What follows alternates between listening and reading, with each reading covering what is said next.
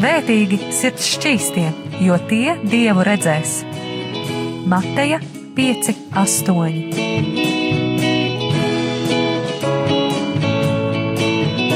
Piektdienās radio raidījums Tēva meitas.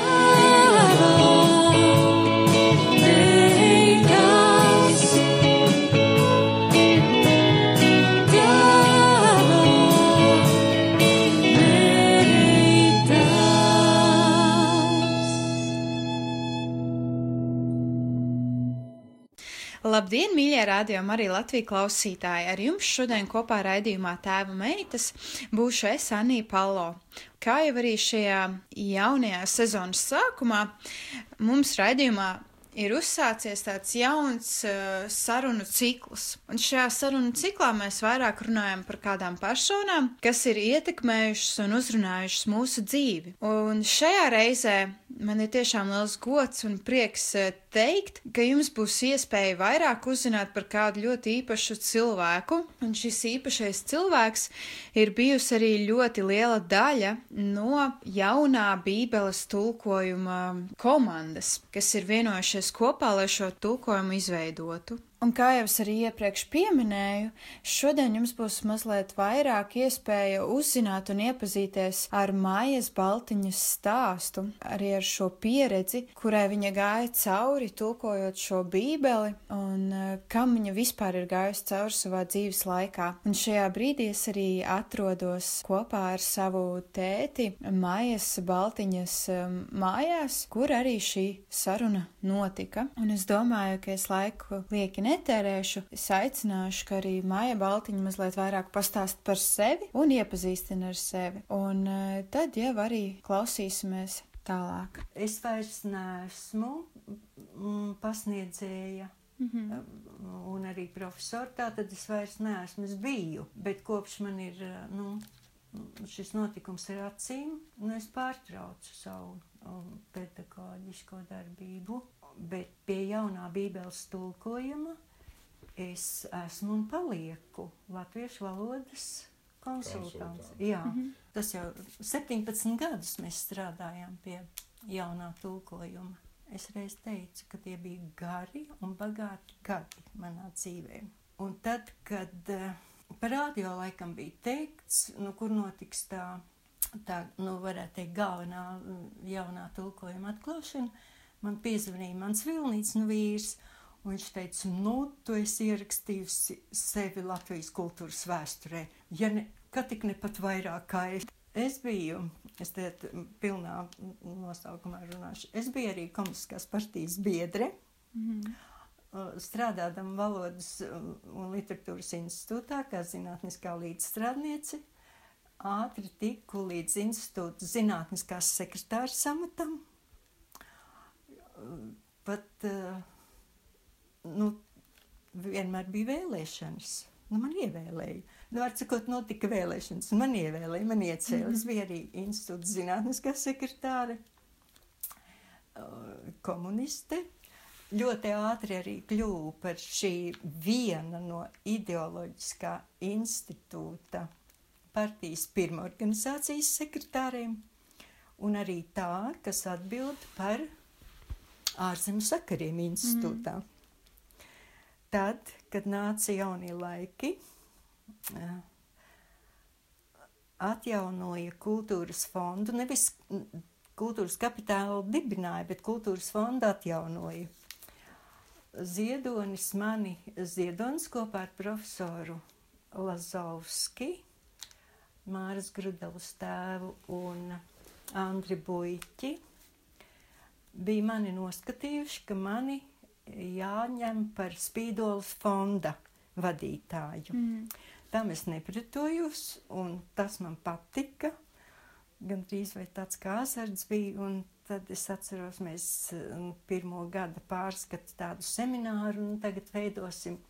Un toreiz es teicu, nu jā, tad, ā, un Māris Gēls bija ministru prezidents, un, viņa, un viņš mums teica, sarīkojiet, bet tā, lai izskan.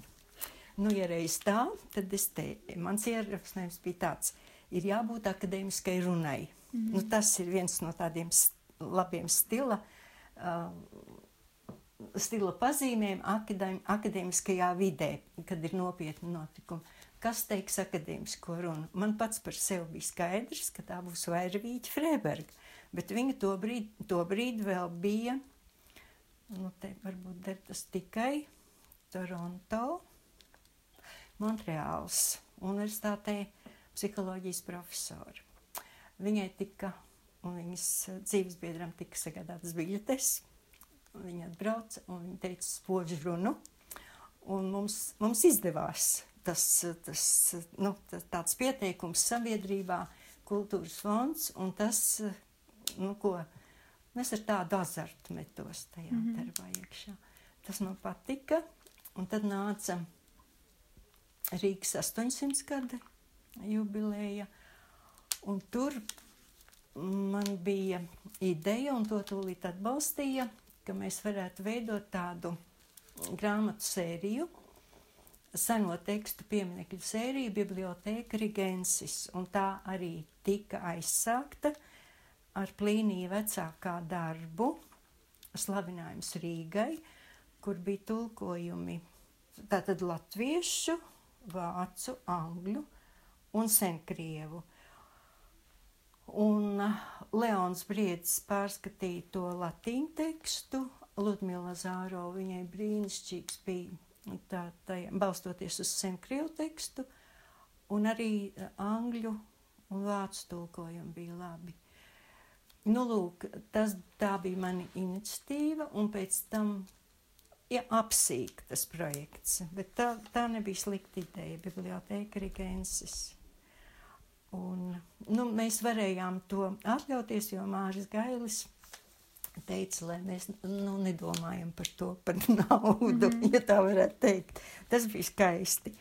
Nu, lūk, un visam tam paralēli, nu jā, nāca jaunie laiki, tad mēs tās komunistiskās partijas biedru kartas atdevām.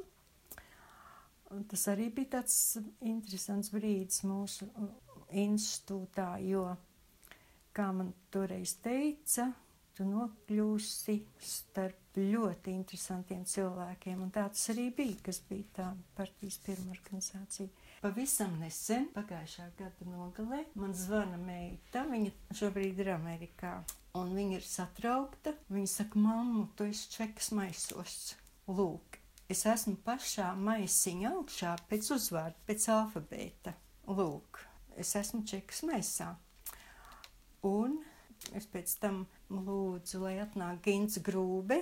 Es piezvanīju, viņš atnāca. Mēs esam pazīstami tāpēc, ka viņš brauc pie manis uz Ventspils augstskolu uz tādām semināru nodarbībām. Un es viņam nu, daudz ko pastāstīju, viņu tas interesēja. Es teicu, Gint, es tev visa, es tev nestāstīšu. Man patīk ģenitīva forma. Bet, nu, Es saku, jautā, un es tev stāstīšu, nu, kā, kā tas viss bija. Un tas notikums ir ļoti interesants, jo mani paņēma ciet glika dēļ.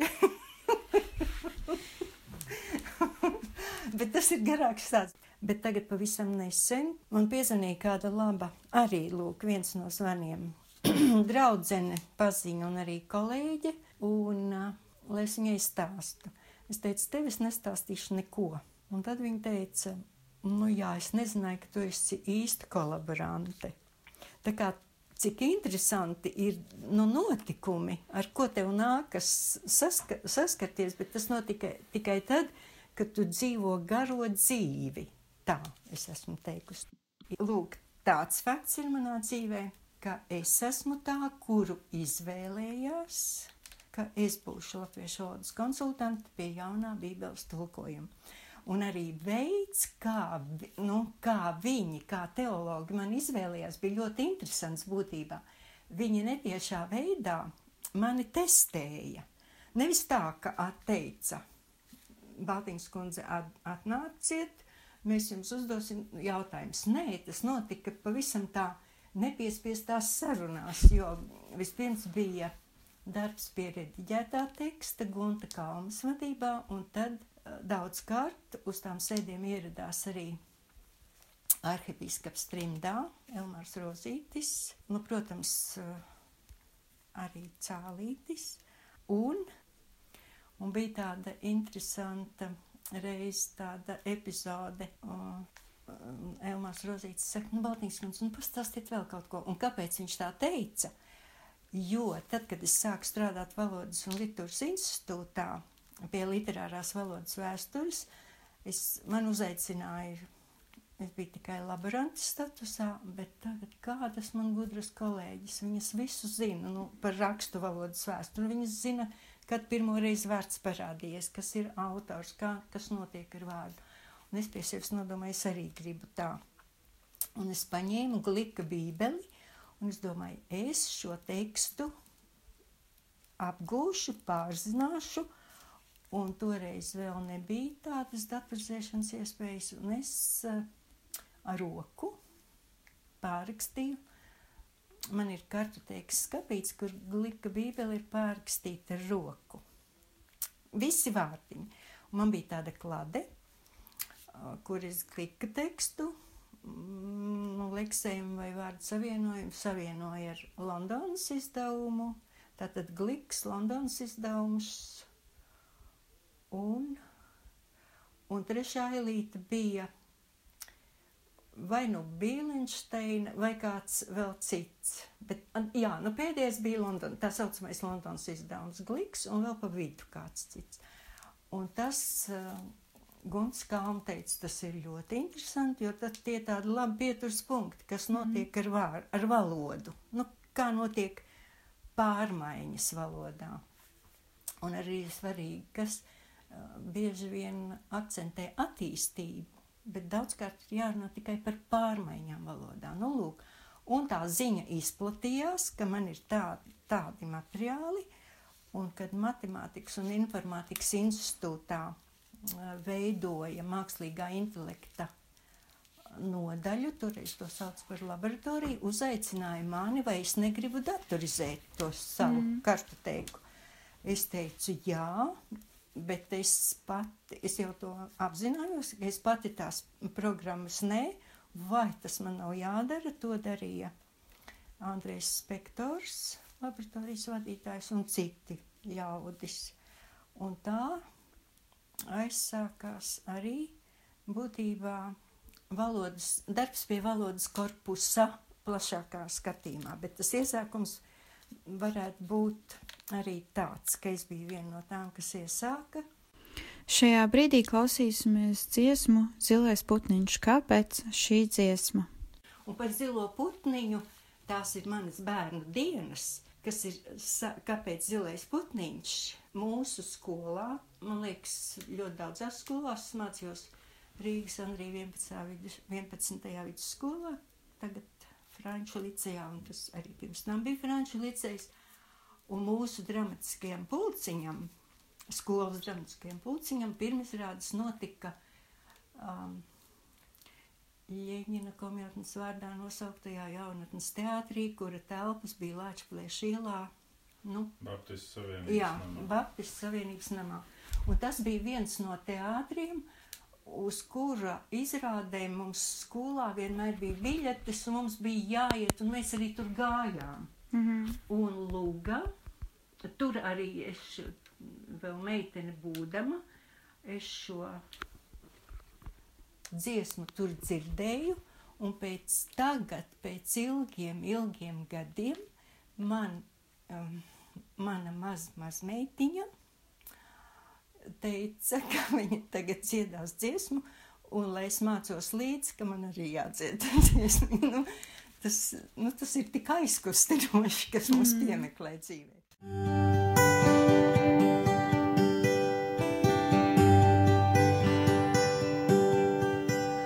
Es jau sen tev gribēju, ko vaicāt mīļo māsī. Es jau sen tev gribēju, vaicāt mīļo māsī.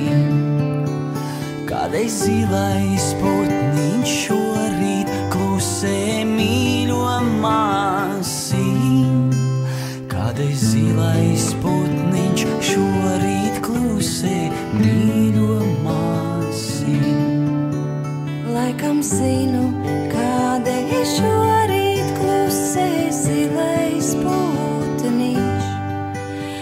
Laikam zinu, kādēļ šorīt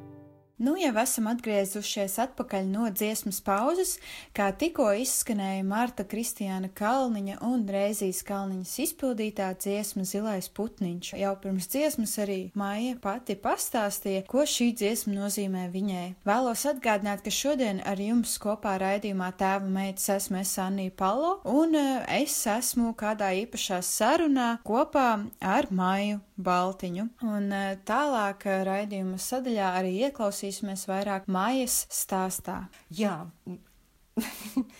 tad, kad uh, nu, es uzzināju, ka tu ieradies, es varu teikt, tu ieradīsies pie manis. Es tā domāju, nu, mans dzīves gājums, ko mēs visi apzīmējam ar CV, vai, arī ir stāsta vērts. Vesels stāsta vērts. Bet, piemēram, ja tā izceltu atsevišķus notikumus manā dzīvē, uh, kas uh, būtībā veda uz kaut kādu li likumsakarīgu satikšanos ar Bībeles jauno tulkojumu vai darbu pie glika teksta, tam ir uh, arī būtībā kaut kāds likumsakarīgs tāds sākums. Jo es mācījos lieliskā skolā.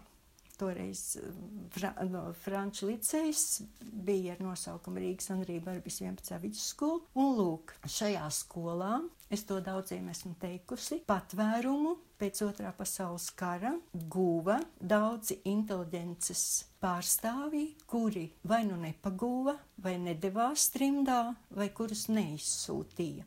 Un viens no tādiem spilgtiem piemēriem ir Viktora Eglīša dēls Vidvuds Eglītis. Nu, par piemēru.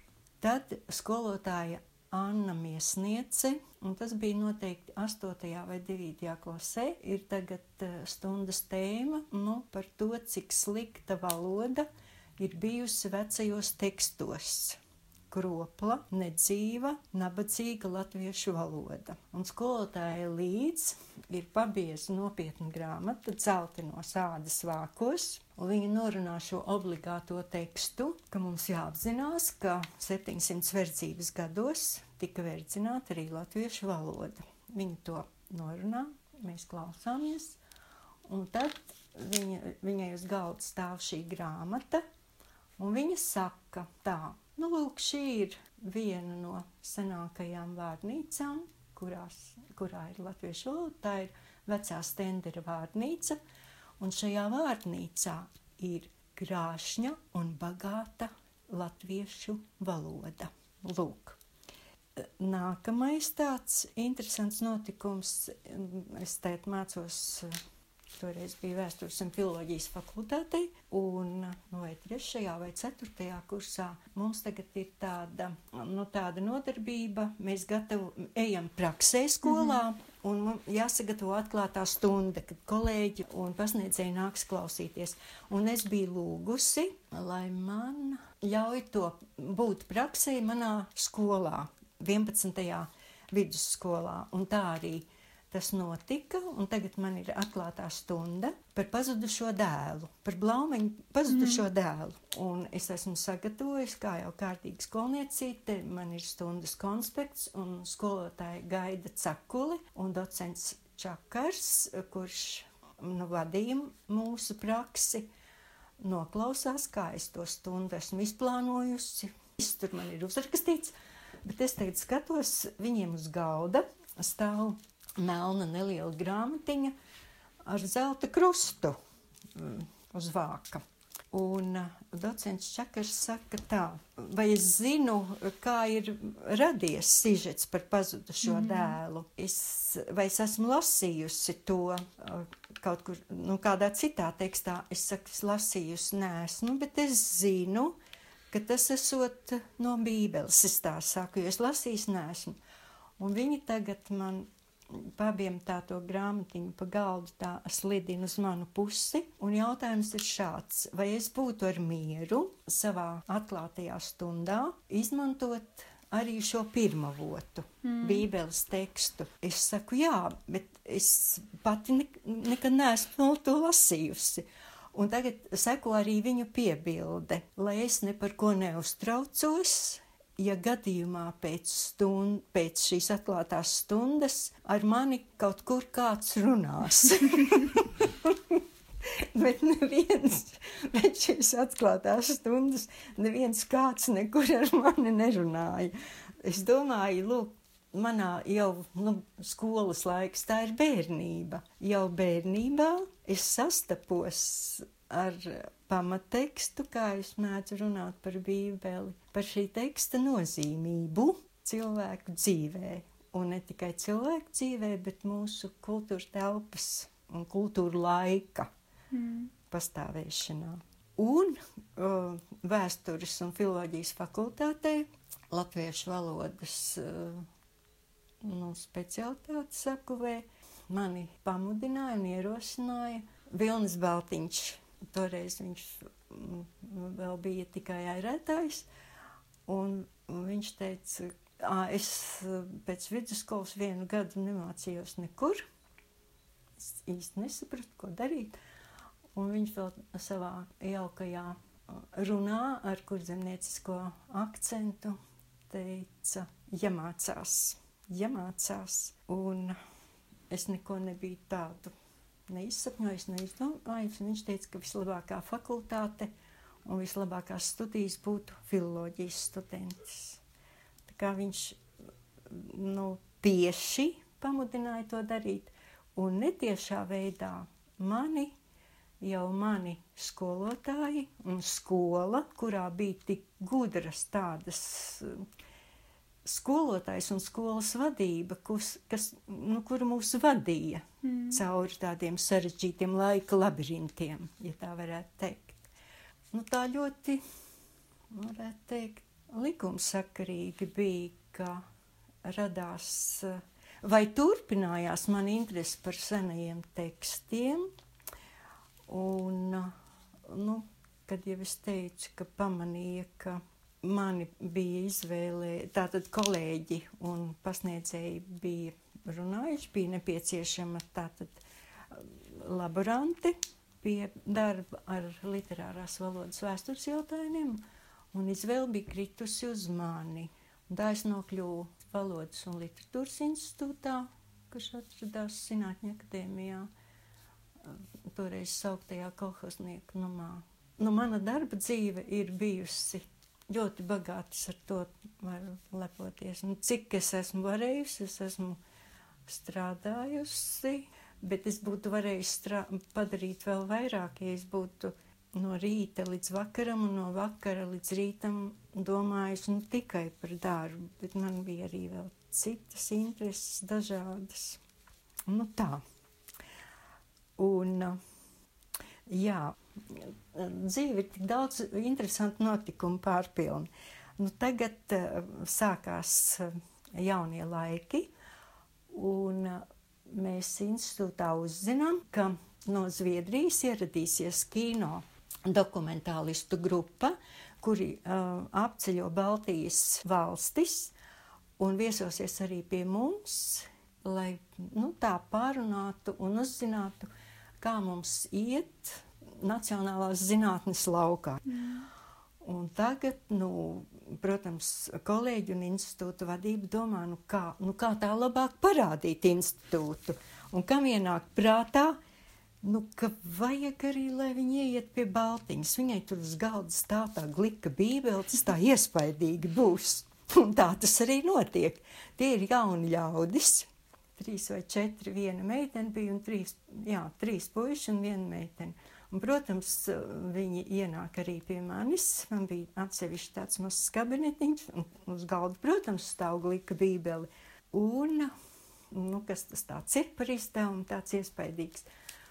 Nu, es, man angļu valoda toreiz bija pavisam slikta, bet bija līdzi mūsu institūta sekretārīte, kura palīdzēja tā veiklāk angļu valodā stāstīt. Un tagad šie jaunie ļaudis no Zviedrijas uzzina, ka glika bībelei lielam projektam 17. gadsimtā, ja tā varētu teikt mūsdienu valodā, atbalstu guva eh, Zviedrijā, un Zviedru karalis finansēja, tā laika Zviedru karalis Kārlis 11. finansēja šo projektu, runājot mūsdienu valodā. Mm. Un jāatšķir Bībeles priekšvārdu, tur ir arī tas gaiši redzams, ka Kārlis 11. Uh, ir devis savu svētību šim tekstam. un, protams, uh, interesanti arī tas, ka glika vārdu, vārdu neatradīsim titulapā.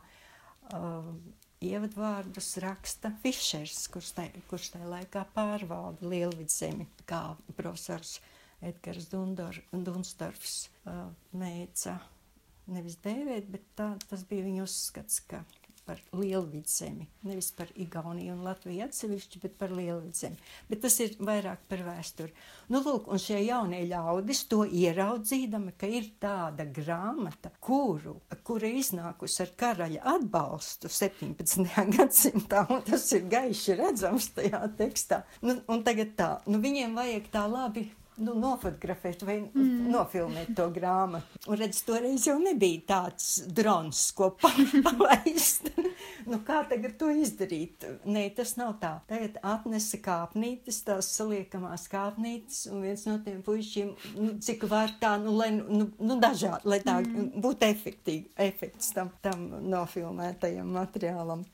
Un pēc tam mūsu kolēģi Stokholmā nu jau toreiz jau varēja teikt kolēģi, jo mums izveidojās un atjaunojās tik jauki sakari ar um, kolēģiem uh, nu, Stokholmā. Kolēģi stāstīja, ka šis sižets, tieši šis sižets, ir vairāk kārt rādīts televīzijā. Nu, un tur jau nu, jauni cilvēki, kā jebkurā valstī, var, nu, tā var būt, ka mm. nezina visu, kas vēsturē ir bijis. Es pati daudz ko nezināju, un vēl tagad nezinu. Nu, lūk, kad izveidojās eh, šī mākslīgā intelekta laboratorija, kurā tātad viens no darbiem uh, tika iekļauts lūk, seno tekstu datu bāzes veidošana. Tieši tā toreiz sauca. Nu, tagad uh, ir vesela, vesels atzars valodniecībā, valodas korpusu veidošana. Bijām pie uh, šī atzara veidošanas sākumiem. Un tad, kad notika uh, valodas un literatūras institūta nu, dalīšanās, valodnieki atdalījās atsevišķā institūtā. Tas arī tāds īpašs stāsts. Es saņēmu apmēram vienlaikus, es saņēmu uzaicinājumu pārnākt uz darbu mākslīgā intelekta laboratorijā pie nu, Matemātikas un informātikas institūtā. To es arī izdarīju.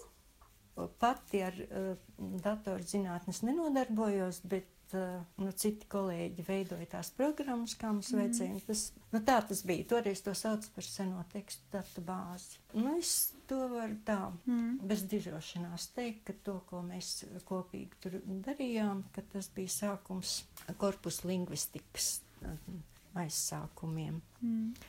Un, un ko es tūlīt izdarīju, nevis tūlīt, bet viens no tādiem izmēģinājumiem, darbi, izmēģinājumu darbiem bija Uldis Bērziņš pats neatkarīgi no tā, toreiz vēl mm, par to mēs nezinājām, ka būs, kad apstāts jauns bībeles tulkojums. Uldis Bērziņš strādāja pie IAB grāmatas tulkojuma. Mm. Un starp citu, to darbu viņš darīja daudzkārt arī šeit, nu, meklēdams, kur var to nu, netraucēt no citiem. Mm -hmm. Tā bija tāda laba pulcēšanās vieta mums. Un Ulcim Bērziņam bija lūk šī jaunā versija, bet tā vēl bija tikai viņa nu, mašīna rakstā toreiz.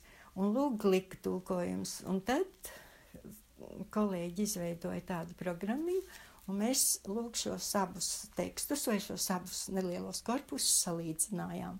Nu, 17. gadsimts un toreiz 20. gadsimts un lūk dzēnieks tulko.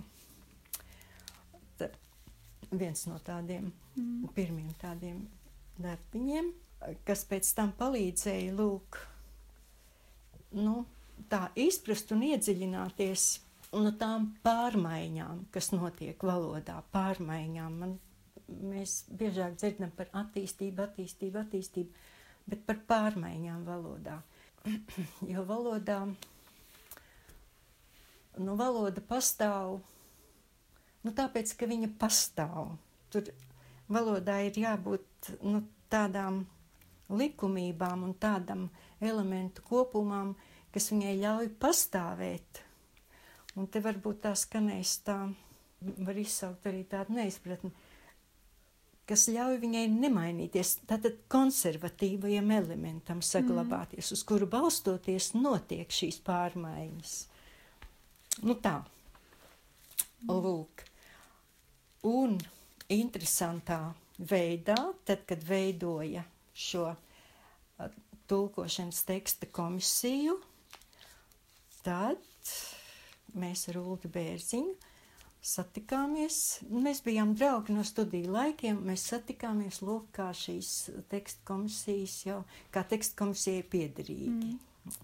Viņš bija pie vecās derības teksta tulkošanas saistīts. Jā, un vēl te jāatgriežas pie notikuma ar to glika tekstu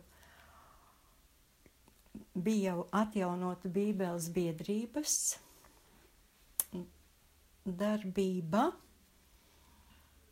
Un, nu, es tagad tādā vienkāršā valodā, mm -hmm. kad Zviedrijas karalis uzzinājis par šiem notikumiem, kas te Latvijā notiek, lūk ir tādi teksti, ar, ar, ar, ar, ar, pie, kura, pie kura izdošanas ir labvēlīgs bijis lūk, karalis 17. gadsimtā, un tagad ir atjaunota darbība pie tekstu tulkošanas.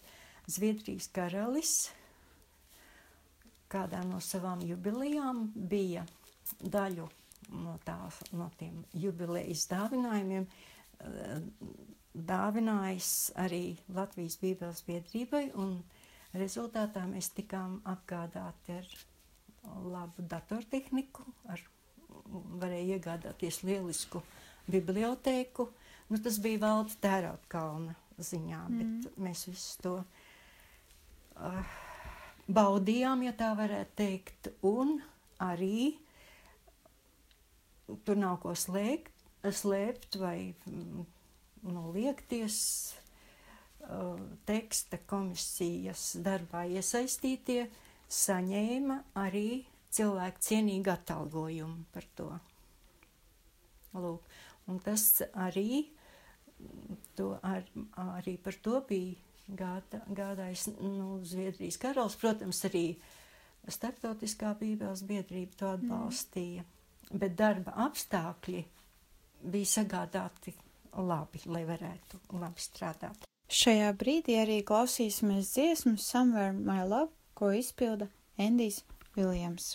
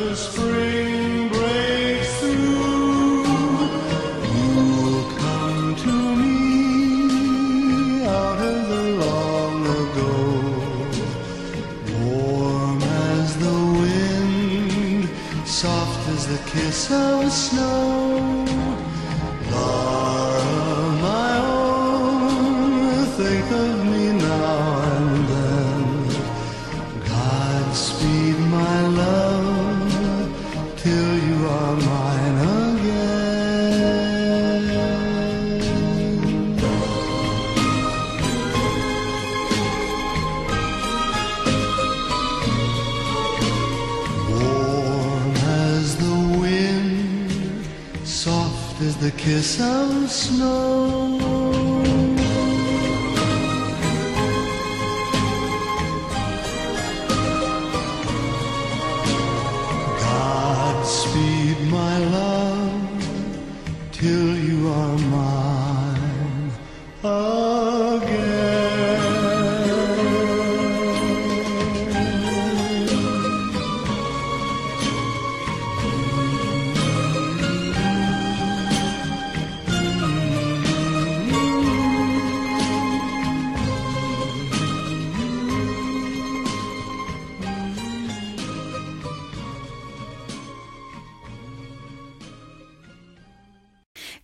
Tikko izskanēja mājas baltiņas, izvēlētā dziesma Kaut kur mana mīlestība, kuru izpilda Endijs Viljams no Daktora Živāgo. Raidījuma turpinājumā ar jums kopā būšais Annija Palo, un ar mani šodienas sarunā ir Maija Baltiņa, kas raidījuma turpinājumā arī stāstīs par sevi. Un tagad uh, par manu sastapšanos ar Juri Cālīti. Ja man jautā, man atbild ir uzreiz, man nav jāpārdomā, kā es raksturotu Juri Cālīti. Protams, spilgt personību. Un kāpēc? Tāpēc, ka viņš ir cilvēks dzīves gudrs, cilvēku gudrs un kur, kultūra laika gudrs. Viņa dzīves ceļš, nu, to es neizstāstīšu, bet ko līdz atjaunoja darbu teoloģijas fakultāte Latvijas mm. universitātē. Viņš kļuva par teoloģijas fakultātes māc, mācību spēku, līdztekus ar daudzām citām spilgtām personībām, trimdas teologiem ar zinātnisku ievirzi. Un kāpēc es par Juri Cālīti tā saku? Lūk, dzīves gudrs, cilvēku gudrs un kultūra laika gudrs.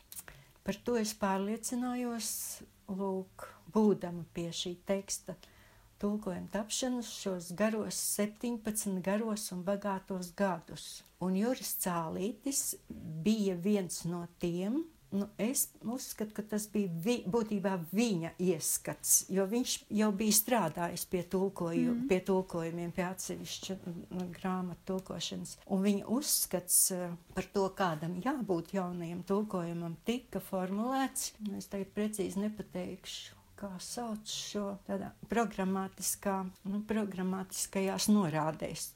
Un tur, kas bija akcentēts, kam tiks veltīta uzmanība, tātad, lai jaunais tulkojums būtu tāds, kā pēc iespējas tūs senā teksta būtībai un formai. Cits uzstādījums, lietojot tādu surrogātu atvasinājumu, bija, ka šim tulkojumam ir jābūt tādam, lai tas kļūtu tūs un lai tas ieinteresētu jaunu cilvēku, kurš dien dienā nedzīvo ticīga cilvēka dzīvi, bet kurš dzīvi dzīvo sekulārā sabiedrībā. Mm. Tā kā tas ir. Un treškārt, tulkojumam jābūt tādam, kurš atbilst mūsdienu valodas garam nu, un, un, un būtībai, mūsdienu, mūsdienu valodā. Mm. Tātad, lūk, senās valodas tiešums, mūsdienu valoda, tātad modernitāte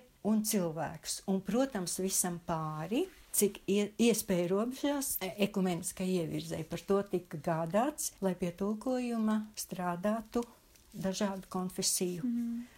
Nu, pārstāvji. Un, un es tiešām abrīnoju, tas varbūt arī skan, varbūt tā gandrīz vai trafereti, bet es patiesi abrīnoju ar kādu gudrību un tādu mieru. Viņš mūs visus turēja kopā, jo katrs kurš bija aicināts darbā šajā teksta komisijā, katrs par sevi bija personība. Un tagad saturēt kopā šo, nu, šo cilvēku kopu, šo tiešām ļoti gudro cilvēku kopienu, tas nebija viegli. Un, nu, es minēju tādu piemēru, nu, tādu nu, kā piemēru. Un brīžiem jūt, ka gaiss sāk jau tā kā dzirksteļot no diskusijām. Mm. Bieži vien par vienu vārdu vai vienu vārdu savienojumu vai kādu nelielu jūt, ka gaiss sāk dzirksteļot. Juris Cālītis saka apmēram tā.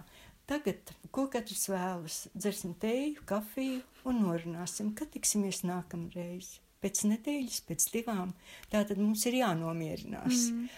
Un bieži vien esot tā, ka teksta uzaicinātie cilvēki nespēja sastrādāties līdz beigām. Un ir tāds dramatisks piemērs, tad, kad esot tapis tā saucamais Londonas izdevums. 60. gados, kas tapa trimdā, kur viens no iniciatoriem un darbu vadītājiem te Latvijas pusē bija arhipīskaps Grinbergs, ir pārtraucis savu darbu pie teksta tulkojuma.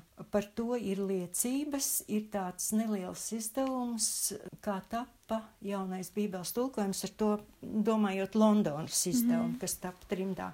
Tā tad nu, darbs prasa nu, tādu lielu atdevi un katrs strādā, nu, cik vien labi var, un saskaņot lūk šo nu, savu ieskatu par to, kādam ir jābūt tulkojumam. Pavisam konkrēti dažkārt, lūk, kādam ir jābūt tam vārdu savienojumam, mm. tai teksta vietai.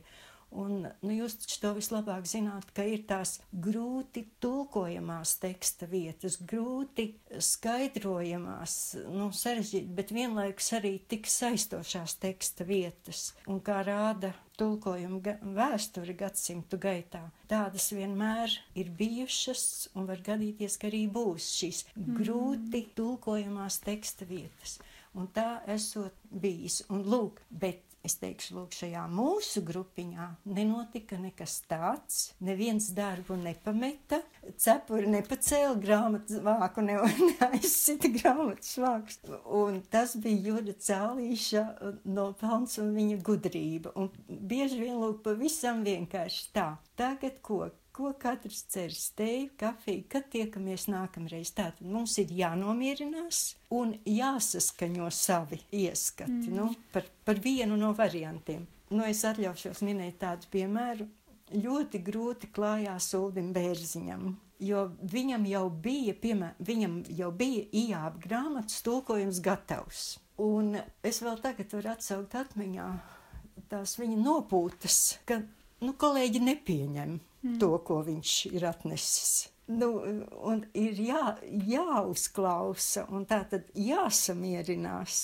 Nu, jāatrod kop, nu, tas kopīgais variants, kas, jā, kopīga valoda. Un tas ūdens tulkojums, tas autora tulkojums viņam paliek.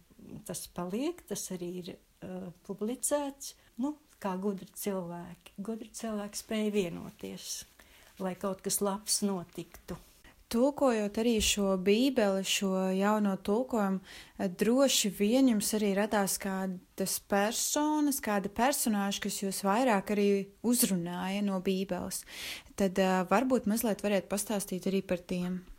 Nu, varbūt tas ir saistīts um, ar to, ka es šo tekstu iepazinu tātad ul, Ulža kā viņam pašam patīk tā tagad teikt, Ulža Bērziņa. Un, lūk, Ijāva grāmata, ko es uh, izlasīju un kas ir, nu, viena no tām, kas raisījusi ir manī pārdomas, Ijāva grāmata noteikti, un es esmu tikai sieviete, Un tie ir vecās derības stāsti par gudrajām, to seno laiku sievām, mm. kurām tika atdots gods un cieņa. Nu, piemēram, sābas ķēniņiene.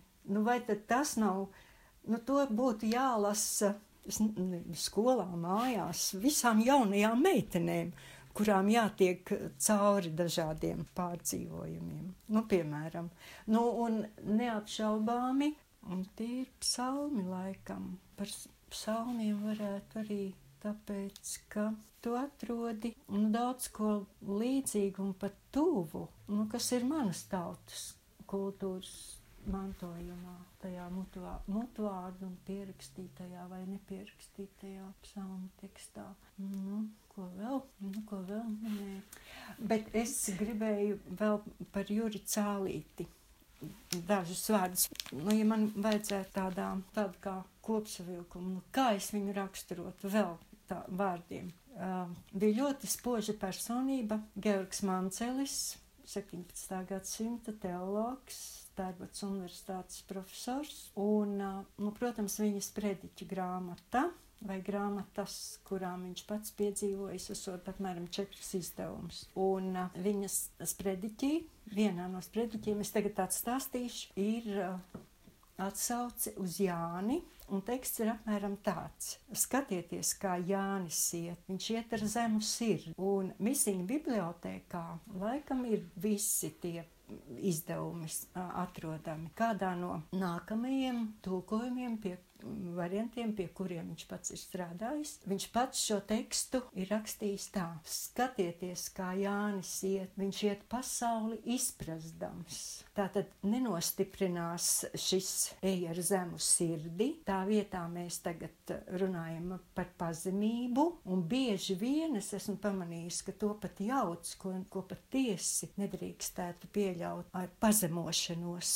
Pazemināties un pazemoties tās ir atšķirīgas situācijas. Un lūk, par Juri Cālīti, nu, es teiktu tā, atsaucoties uz kultūra tekstiem. Viņš ir cilvēks, kurš iet pasauli izprastams. Tā kā to Mancelis bija tā, nu, kādā no savām svētrunām stāstījis ļaudīm par Jāni. Nu, lūk tā. Ar jums šodien raidījumā tēva meitas kopā biju Esanija Palo un ar mani kopā bija Maija Baltiņa. Uz tikšanos jau nākamajā nedēļā.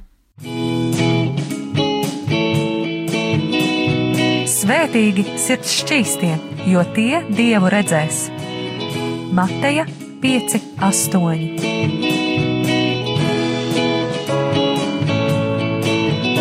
Piektdienās radio raidījums Tēva meitas.